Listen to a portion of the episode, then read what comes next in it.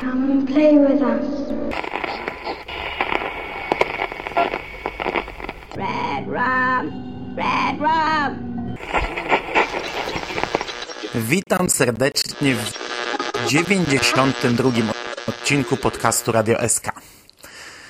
Tym razem mamy dla Was już pełnoprawny odcinek. E, awaria sprzed tygodnia tymczasowo zażegnana. A jeśli jesteśmy już przy awariach, to dzisiaj nie mogłem nie poruszyć tematu dnia, mianowicie końca świata.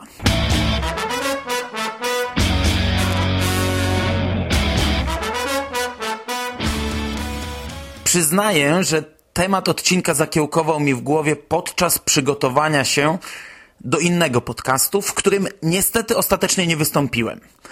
E, mam na myśli jedną z moich ulubionych audycji, Masę Kultury, dostępną pod adresem masakultury.pl. Chłopaki z Masy Kultury przygotowali przegląd różnych końców świata w popkulturze. Zaprosili mnie do wspólnej rozmowy i z ogromną przykrością muszę zakomunikować, że ostatecznie już drugi raz nie udało mi się pogadać wspólnie z autorami tego podcastu. Szkoda, bo lubię, gdy dla odmiany mogę porozmawiać o czymś, co nie ma związku ze Stephenem Kingiem. Chłopaki przygotowali wstępny plan wszystkich motywów końca świata wykorzystanych w kinie i gdy przed nagraniem zastanawiałem się, jaki ulubiony przykład wybrać przy każdym punkcie, to czasem, no, siłą rzeczy przychodziło mi do głowy coś kingowego. E, no bo skoro mówimy, dajmy na to epidemii, to jak tu chociaż nie wspomnieć o Bastionie? Nawet jeśli nie jest to mój ulubiony przykład książki czy też filmu traktującego o tym konkretnym rodzaju końca świata, to i tak wypada wspomnieć. E, choćby z racji tego, że jestem tym od Kinga. Mówiąc krótko, Michał i Szymon z podcastu Masa Kultury odwolili kawał dobrej roboty, z której ja odrobinę skorzystałem, robiąc sobie notatki do tej audycji. Nie wiem, czy już ukazała się Masa Kultury, ale jako, że minęły dopiero 4, no może z 6 minut 21 grudnia, czyli ostatniego dnia naszej planety Ziemi, zakładając oczywiście, że słuchacie tego od razu bezpośrednio po premierze, to zakładam w ciemno, że masa dopiero się dzisiaj ukaże. Potraktujcie zatem Radio SK jako trailer masy kultury. Taki przedsmak w skali mikro. I właśnie stwierdzenie skala mikro stanowi tutaj słowa kluczowe w dzisiejszej audycji. King wydał około 60 książek i kilkaset opowiadań. W większości z tych tekstów bohaterowie walczą z jakimś koszmarnym zagrożeniem, ale tylko w kilku z nich King wyszedł poza swoją skalę, opisując problem globalny. Nawet jeśli w książce pojawia się problem, który mógłby być zalążkiem końca świata, to właśnie w zalążku jest on zwykle miażdżony. King po prostu lubi ograniczać się do mikrospołeczności, ale kilka razy w swojej karierze poszedł o krok dalej, niszcząc cały świat. Dzisiaj spróbuję przyjrzeć się właśnie takim kingowym historiom, z tym, że raczej tylko ogólnie nakreślę temat bez spoilerów, więc nie ma strachu. Pierwszym przykładem, jaki narzuca się, gdy mówimy o końcu świata u Kinga, jest wspomniany przeze mnie już wcześniej Bastion. Containment breach! Had a major containment breach!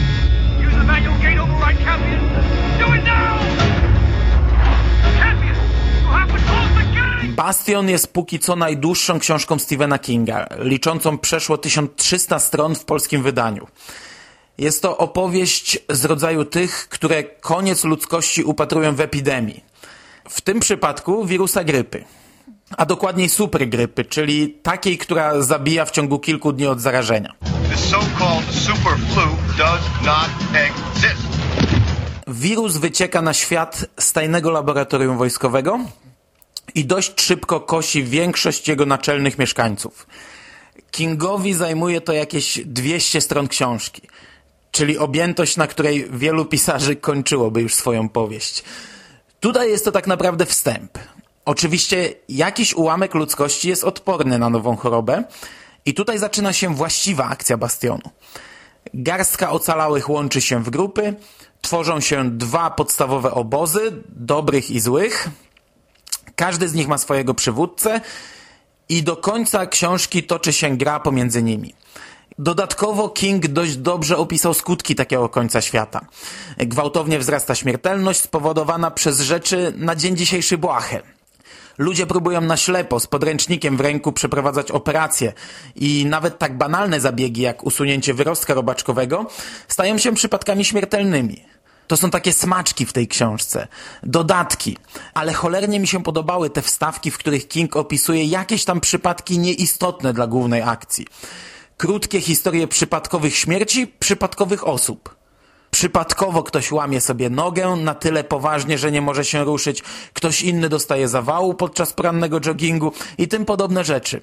Oczywiście nasi podstawowi bohaterowie dążą do przywrócenia starego porządku.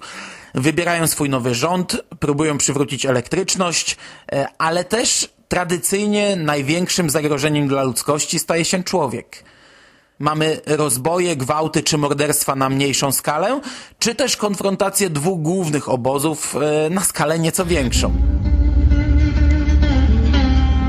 A deadly virus released by a government mistake. A frantic military willing to stop at nothing to cover up the terrible truth. Ja wiele razy powtarzałem, że nie jestem jednym z fanatycznych wielbicieli tej książki.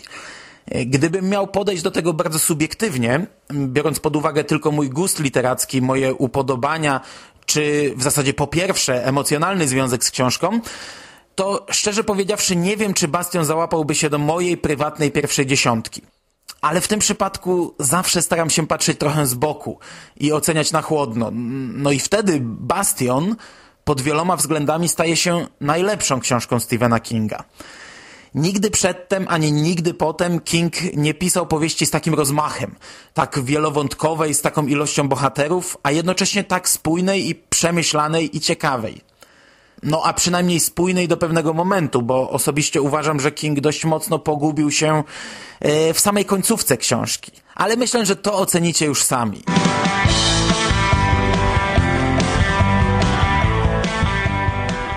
Co się tyczy tego rodzaju końca świata, to ja lubię tego typu klimaty w filmie i książce. Lubię o tym czytać i to oglądać, ale życie w takim świecie byłoby dla mnie koszmarem. Nie wyobrażam sobie życia, w którym cofamy się o kilkanaście dekad wstecz i nie dostajemy nic w zamian. I chyba w takim wypadku wolałbym dostać umiarkowanie gwałtowny koniec ludzkości, który mógłbym sobie chociaż przez chwilę obserwować. No, przynajmniej przez tę chwilę byłoby ciekawie.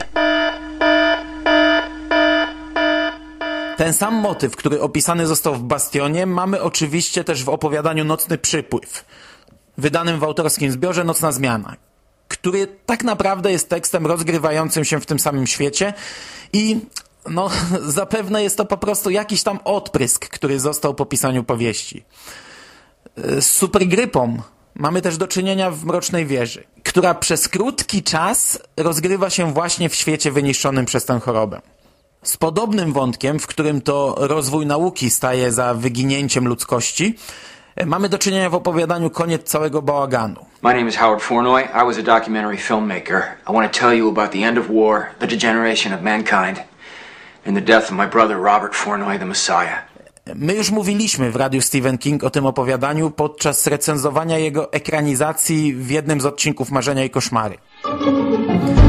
Główny bohater tej historii odkrywa, że woda z konkretnego miejsca na Ziemi zawiera składniki odpowiedzialne za mm, złagodzenie, a w zasadzie całkowite wyeliminowanie ludzkiej agresji. Woda w postaci pary zostaje wprowadzona do ziemskiej atmosfery, po czym na krótki czas na całym naszym globie zapanował pokój. There were three years of Indian summer. Three years like Eden.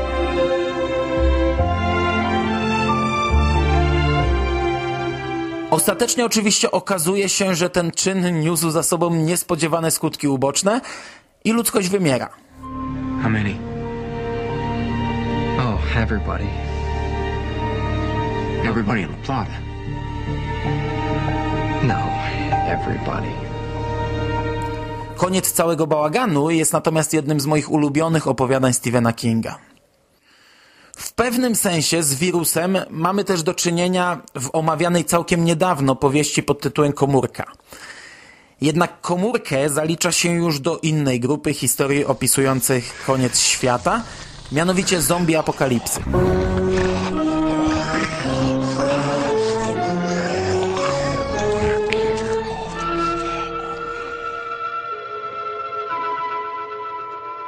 Objawy takiego końca są w wielu aspektach bardzo podobne do wirusa niszczącego ludzkość.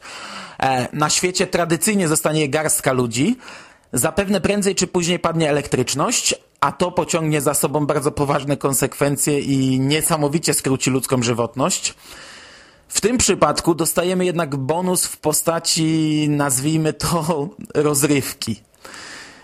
Nie jest to nudny, wymarły świat, jak w poprzednim przykładzie, a ciągła walka. Choć akurat King zrobił to oczywiście po swojemu, o czym nie tak dawno mówiliśmy całkiem sporo i jeśli ktoś ma ochotę dowiedzieć się więcej na temat tej książki, to odsyłam do tamtej audycji. Ja jestem wielkim fanem filmów, książek czy komiksów o zombie. I w przypadku popkultury jest to mój ulubiony koniec świata. Gdybym mógł wybierać, yy, wybierać to, w jaki sposób zakończy się życie na naszym grajdołku, to no, nie powiem, że chciałbym, ale w teorii jest to dla mnie koniec najciekawszy. E, choć jako osoba otyła i umiarkowanie wysportowana zginąłbym w pierwszej fali. Ale jednocześnie za moim przetrwaniem przemawiałaby wiedza zaczerpnięta z horrorów, więc może miałbym jakieś szanse na przeżycie. King tak naprawdę dwa razy sięgał w swoich tekstach po tematykę zombie. W podcaście dotyczącym komórki podaliśmy jako przykład cmentarz dla zwierzaków. Ale teraz uważam, że był to zły przykład. W jednym z ostatnich odcinków serialu Big Bang Theory e, dwaj bohaterowie sprzeczali się, czy mumia jest zombie. E, no bo w końcu są to ożywione zwłoki. E, ale z drugiej strony nie zarażają, nie roznoszą choroby, więc nie są też zombiakami. Podobnie mamy w przypadku cmentarza dla zwierzaków. Jest to historia dość bliska, ocierająca się o tę tematykę, ale jednak jest to coś innego. Poza tym, jak to u Kinga, cmentarz to historia jednej rodziny, więc ciężko w ogóle mówić nawet o zalążkach końca świata. Tematyka zombie pojawia się też w opowiadaniu Urodzi się w domu, mm, wydanym w zbiorze Marzenia i Koszmary. Zjawisko przedstawione jest na przykładzie małej wyspy, ale rozgrywające się równolegle na całym świecie. W tym opowiadaniu mamy też wyjaśnione konkretne przyczyny, dlaczego na świecie zaszła taka sytuacja i ma to związek z ingerencją z kosmosu. Co jest w zasadzie kolejnym przykładem końca świata, choć u Kinga raczej rzadko wykorzystywanym. Invaders from Mars. He saw them land from outer space. He saw them capture innocent people only to destroy. King napisał trzy powieści poruszające wątek kosmitów. Ale znów jak to u Kinga, są to zwykle wydarzenia rozgrywające się na małą skalę. Chyba tylko łowca snów aspirował do tego, by przedstawiona historia rozwinęła się w konflikt globalny, ale o ile mnie pamięć nie myli, wszystko rozegrało się chyba na małym obszarze. Choć ja niestety bardzo mało pamiętam z Łowcy Snów i swoją wiedzę opieram tylko na ekranizacji, a jednocześnie nie pamiętam jak bardzo różni się ona od książki. Oprócz trzech książek, o których wspominam, Atak z kosmosu przychodzi też w opowiadaniu Stephena Kinga. E, choć o ile się nie mylę, jest to tak wyjaśnione tylko w filmowej adaptacji, ale autorem filmu był King, więc jest to pełnoprawna rozbudowa opowiadania. Mm, jakkolwiek zła by ona nie była.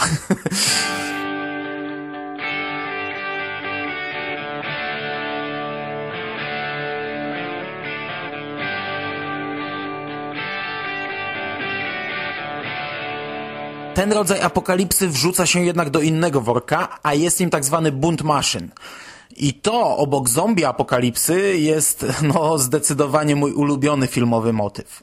Terminator, Matrix, czy też mój niekwestionowany faworyt, który może nie opowiada o podboju Ziemi, e, a o zniszczeniu 12 kolonii, czyli jeden z absolutnie najlepszych seriali science fiction wszechczasów, Battlestar Galactica. U Kinga maszyny ożywają raz. No może dwa razy, licząc tukostrachy, ale tam to nie maszyny są tym głównym agresorem, a jedynie dodatkiem do całej historii. Maszyny ożywają w opowiadaniu ciężarówki. Jakaś siła powołuje do życia rzeczy martwe, począwszy od elektronicznych noży kuchennych, a skończywszy na kolosach przemierzających nasze drogi. Oczywiście wszystkie te maszyny od razu występują przeciwko swoim stwórcom i zaczyna się walka o życie, która w tym przypadku akurat nie należy do grona najlepszych przedstawicieli tego nurtu. Samo opowiadanie ma jakiś tam klimat, ale jest dość głupie. Ekranizacje są tylko głupie. Przy czym jeśli widzieliście film Maksymalne Przyspieszenie w reżyserii Stephena Kinga, e, to jest to ta lepsza ekranizacja. co wiele mówi o poziomie tej drugiej. No, King niestety nie wysilił się w tym temacie. Hi. My name is Stephen King. I've written several motion pictures, but I want to tell you about a movie called Maximum Overdrive, which is the first one I've directed.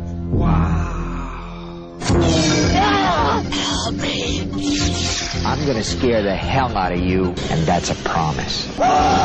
Bliżej nieokreślona katastrofa, która dotyka cały świat, pojawia się też w dłuższym opowiadaniu pod tytułem Mgła, które znajdziecie w zbiorze Szkieletowa Załoga. Now listen, everybody. We are experiencing some kind of disaster. No, it's the end of days. Bardzo dobra ekranizacja Franka Darabonta mówi nam wyraźnie, skąd wzięła się tytułowa mgła. King w swoim opowiadaniu pozostawia to pytanie bez odpowiedzi, ale też King robi zakończenie otwarte, a Darabont podąża w nieco innym kierunku, nad którym wolę się zbyt mocno nie rozwodzić. I z tych powodów skupię się głównie na opowiadaniu. Tradycyjnie całe zjawisko obserwujemy oczami grupki ludzi, ale można śmiało przypuszczać, że dotyczy ono całego świata. Ziemia zostaje otoczona warstwą mgły, mm, nie wiadomo skąd się ona wzięła, nie wiadomo czym dokładnie jest, wiadomo tylko, że we mgle kryją się istoty nie z tego świata. Po części wzorowane na Monster Movies z lat 50., trochę też przywodzące na myśl Lovecraftowskich przedwiecznych. Something in the mist! Shut the doors! Shut the doors! Można się jednak domyślać, e, że mgła jest jakimś rodzajem bramy pomiędzy światami czy wymiarami. I Ziemia została opanowana przez istoty, z którymi zwyczajnie ludzkość nie ma szans sobie poradzić. Jest to kapitalne opowiadanie, które zostało genialnie zekranizowane. Nic tylko polecać, o ile ktoś jeszcze nie czytał lub nie oglądał. It is time to take sides. The saved and the damned. Read the good book. It calls for blood. Think something got in? Guys, I hear something. It could be the whole world for all we know. Wouldn't make us any less dead. Daddy, don't go. If something happens, cut and run. You can't go out. I won't allow it. Won't allow it? I tak po prawdzie znalazłem jeszcze tylko jeden motyw końca świata u Kinga. Spowodowany zaburzeniami czasowymi. I tutaj głównym przedstawicielem tego nurtu jest powieść Dallas 63. Zaburzenia czasowe są o tyle niewdzięcznym końcem świata, z naszego punktu widzenia, że ich skutki doświadcza tylko osoba, która je spowodowała. Dla wszystkich innych mieszkańców Ziemi nie jest to proces gwałtowny, a po prostu tak potoczyła się ta linia czasowa, w której akurat żyjemy. Dallas 63 przedstawia nam swoją wersję skutków, jakie niosą za sobą zmiany w kontinuum czasoprzestrzennym. Ale wolałbym za bardzo nie zagłębiać się w ten temat, bo to są dość ciężkie spoilery. A książka jest utworem wybitnym i warto samemu poznać ten temat. Nie jest to jedyny przykład, w którym King bawił się z czasem. Dość ciekawie przedstawił też sprawę czasu w mini powieści Langoliery, którą możecie przeczytać w zbiorku Cztery po północy. Choć jest to nieco inna para kaloszy, która raczej nie nadaje się do podcastu traktującego o końcu świata, ale mam nadzieję, że kiedyś sobie o niej tutaj porozmawiamy, bo ja mam od zawsze swoją wizję, jak powinny zakończyć się Langoliery. I to by było w zasadzie na tyle. Możliwe, że pominąłem jakieś drobiazgi, które mi umknęły. Możliwe też, że przeoczyłem coś dużego. E, Zalążek zagłady nuklearnej mamy choćby w opowiadaniu Dzień rozdania świadectw ze zbioru Po zachodzie słońca. E, Można też przeprowadzić osobną dyskusję na temat całego cyklu Mroczna Wieża i końca świata, jaki tam przedstawiono. Zresztą w Mrocznej Wieży mamy nawet specjalne miejsce, które nazywa się Koniec Świata tudzież światem końcowym, ale w aktualnym tłumaczeniu występuje chyba ten pierwszy zwrot. E, Choć jednocześnie w Mrocznej Wieży mamy też świat pośredni, więc to świat końcowy, a nie koniec świata pasowałby tutaj lepiej. E, Myślę jednak, że to jest temat raczej na inną dyskusję. Na zakończenie powiem tyle. Słuchacie mnie już pewnie ze 20-25 minut, czyli mamy jakieś 30 minut po północy, a skoro jeszcze nic w nas nie pierdyknęło, to mamy już jedną 48 doby za sobą. Oby tak dalej. Osobiście wcześniej sądziłem, że w tym okresie na świecie zrobi się znacznie większy kocioł i ludzie naprawdę wpadną w masową histerię. Póki co jestem pozytywnie zaskoczony, ale też ten dzień dopiero się zaczął i jeszcze mogą się cuda wydarzyć. E, strasznie wnerwia mnie od jakiegoś czasu, no doprowadza do szału wykorzystanie końca świata w reklamach. E, to było oczywiste, że tak to będzie wyglądać, ale nie sądziłem, że będzie to zjawisko aż na taką skalę. Dodatkowo odbija się to na mojej pracy, bo takie dzieciaki mające po 10 lat, e, jak usłyszą w telewizji raz o końcu świata, to może jeszcze to zignorują. Ale jak słyszą codziennie po 10 razy, to powoli naprawdę przyjmują to jako pewnik. Plusem jest to, że mogą im zrobić fajną lekcję przyrody o prawdopodobnych końcach świata. Kiedyś zdarzało mi się myśleć o tym, co sam bym zrobił, gdybym wiedział, kiedy dokładnie nastąpi koniec świata. Ja jestem osobą, którą ogólnie bardzo przygnębiają tematy związane z ogromem kosmosu. Jak przestawiam się na myślenie w tej skali, to zwykle od razu łapię doła i nie widzę sensu istnienia, a co dopiero codziennego funkcjonowania i rozwiązywania przyziemnych problemów. Moje podejście do tematu zmieniało się wraz z tym, jak zmieniałem się ja sam. Kiedyś sądziłem, że okres poprzedzający Armagedon byłby w moim przypadku niekończącą się imprezą, na której spróbowałbym wszystkich używek, jakich dotąd nie spróbowałem, a te, które lubię najbardziej, próbowałbym powielokroć.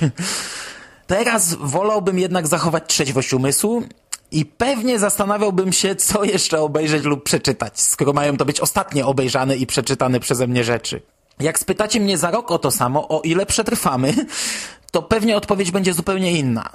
Bo niby wraz z rodzicielstwem zmienia się całkowicie postrzeganie świata i cała hierarchia ważności. Na chwilę obecną, w razie ewentualnego końca świata, chciałbym być jego świadkiem.